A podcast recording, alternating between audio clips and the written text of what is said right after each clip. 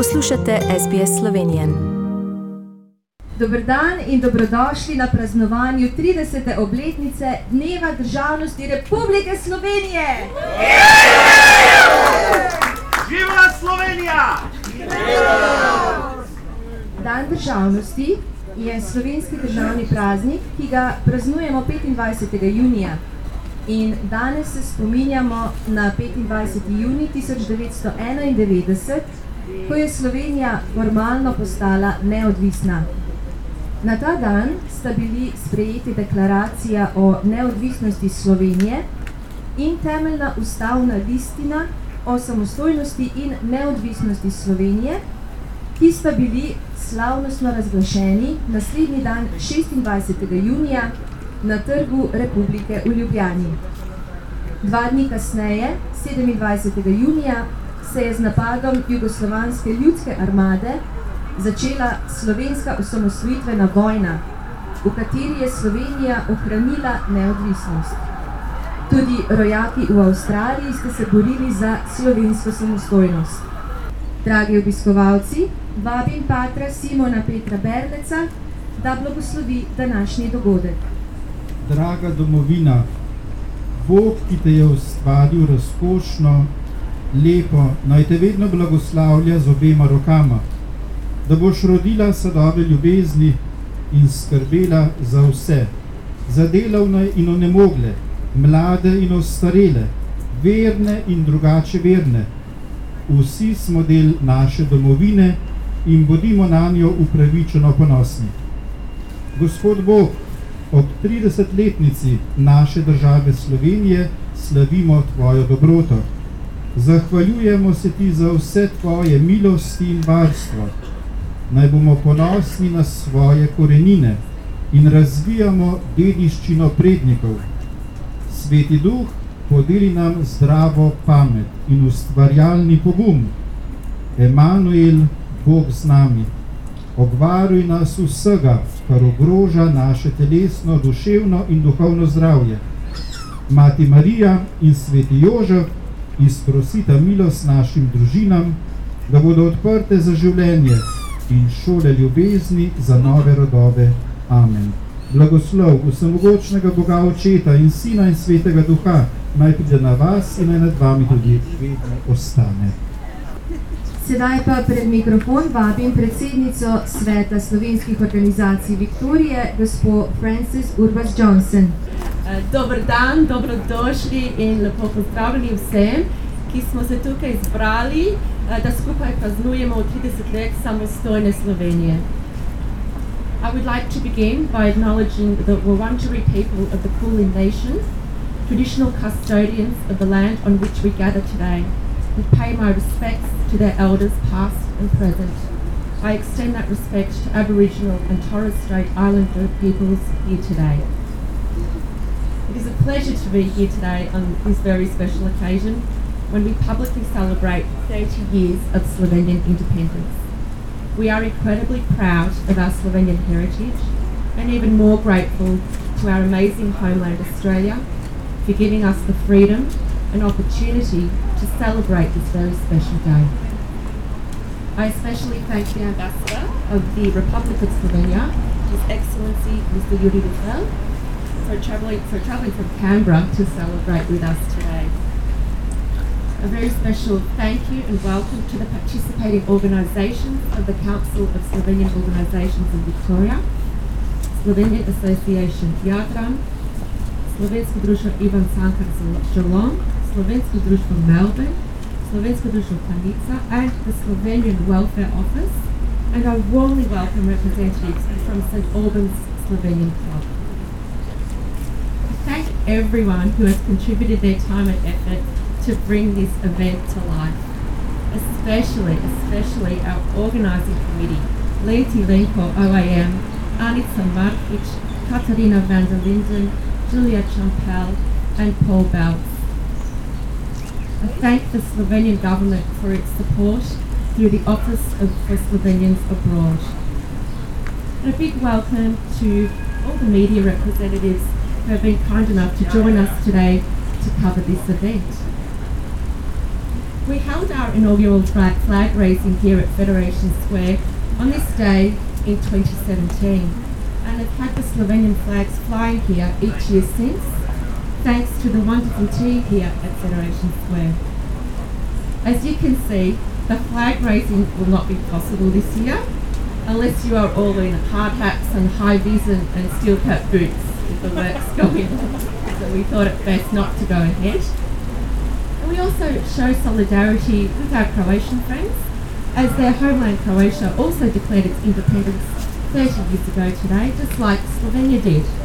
Our thoughts and prayers are with the people of Croatia, and Bosnia and Herzegovina, no matter what their background is, who have suffered terribly through years of war and the resulting humanitarian disasters, the likes of which were not seen in Europe since the end of World War II. We hope and pray that peace will prevail for the good of all the people in the region. Australian Slovenians were very active in the so-called battle for independence in Australia, for Slovenia. V Australii. Slovenian national councils and many other groups and individuals worked tirelessly, organising peaceful protests at locations like the Old Melbourne City Square and on the steps of Victorian Parliament House.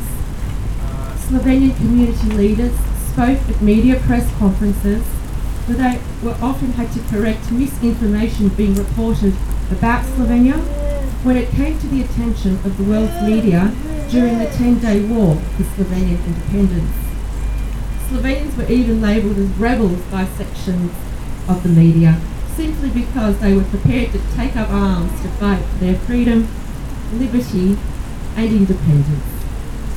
Countless protest letters were sent to political leaders both here and overseas, lobbying them to recognise Slovenian independence as soon as possible. A special group called the Parliamentarians for Slovenia and Croatia was formed in Canberra, with members from all sides of the political spectrum supporting the independence movements in both states. Both the Slovenian National Council of Victoria and the Council of Slovenian Organisations of Victoria collected thousands of signatures in petitions condemning the attack on Slovenia by the Yugoslav army and that Australia quickly recognised the independence of Slovenia. Australian Slovenians also raised over $266,000 in a special relief appeal for Slovenia after it was so brutally attacked by the so-called Yugoslav People's Army that chose war and aggression against Slovenia rather than respecting the strong will of the Slovenian people to live peacefully in a free and independent Slovenia. This was clearly demonstrated six months earlier in a plebiscite on December 23, 1990, when Slovenians voted overwhelmingly to live in a democratic, free and independent Slovenia. Slovenians in Australia will forever be grateful that our beautiful lucky country, Australia, was the first, first non-European country to formally recognise the independence of the Republic of Slovenia on January 16, 1992. The Slovenian community celebrated jubilantly with a public celebration with live Slovenian music on the steps of the Victorian Parliament House being organised by the Slovenian National Council of Victoria. There were other large celebrations at the Slovenian Religious and Cultural Centre at Kew and at other Slovenian clubs and associations around the state. Indeed, it's estimated that over a thousand people celebrated up on the hill at the Slovenian Association Melbourne around a huge bonfire on January 15, 1992, when the European community formally recognised the independence of Slovenia and neighbouring Croatia. The fact that Australia was so quick to recognise Slovenia as an independent state can be attributed to the tireless efforts of the Australian Slovenian community and the then Hawke Keating government sticking to its promise to formally recognise the independence of Slovenia and Croatia as soon as they fulfilled all the legal requirements for statehood. Thank you and hvala lepa once again for your attendance here at Fed Square as we celebrate 30 years of Slovenian independence. God bless our beautiful land under the Southern Cross, Australia. God bless our beautiful, free, and independent Slovenia on the sunny side of the Alps. Bog živi našo prelepo deželo pod južnim križom Avstralija. Bog živi našo prelepo deželico pod Triglavom na sončni strani Alp. Svobodno in samostojno Slovenijo. Hvala.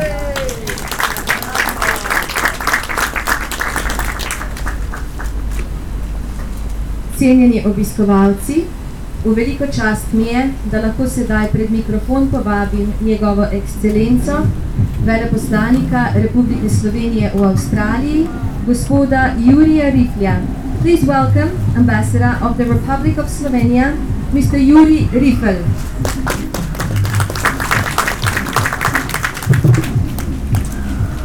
Thank you very much. Uh, thank you, Francis.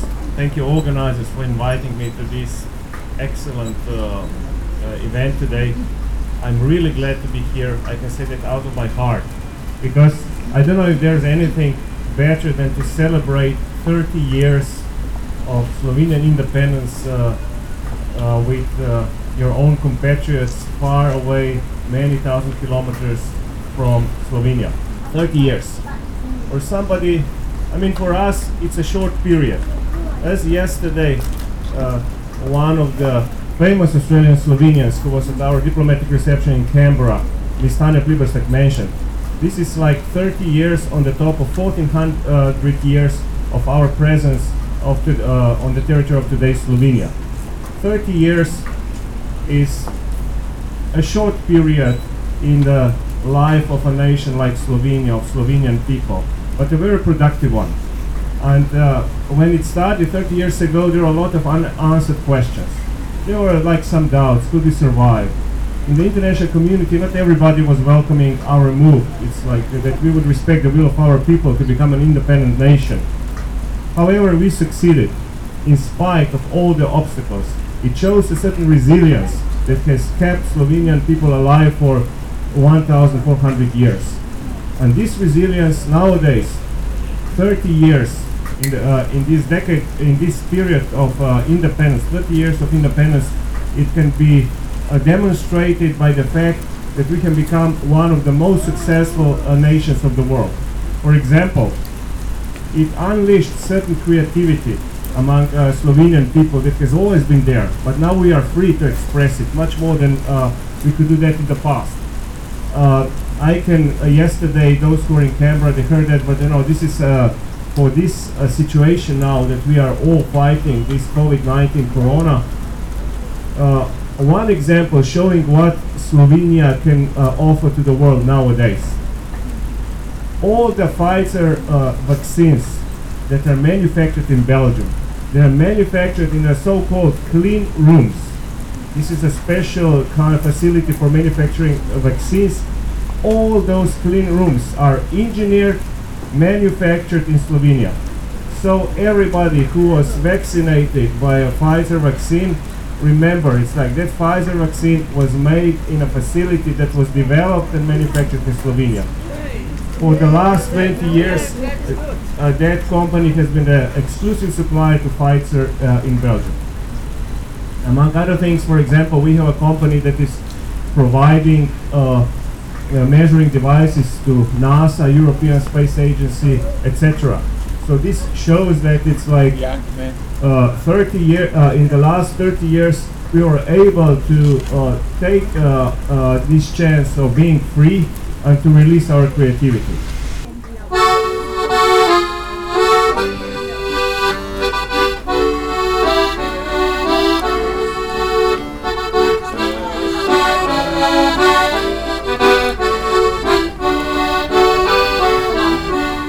Tam je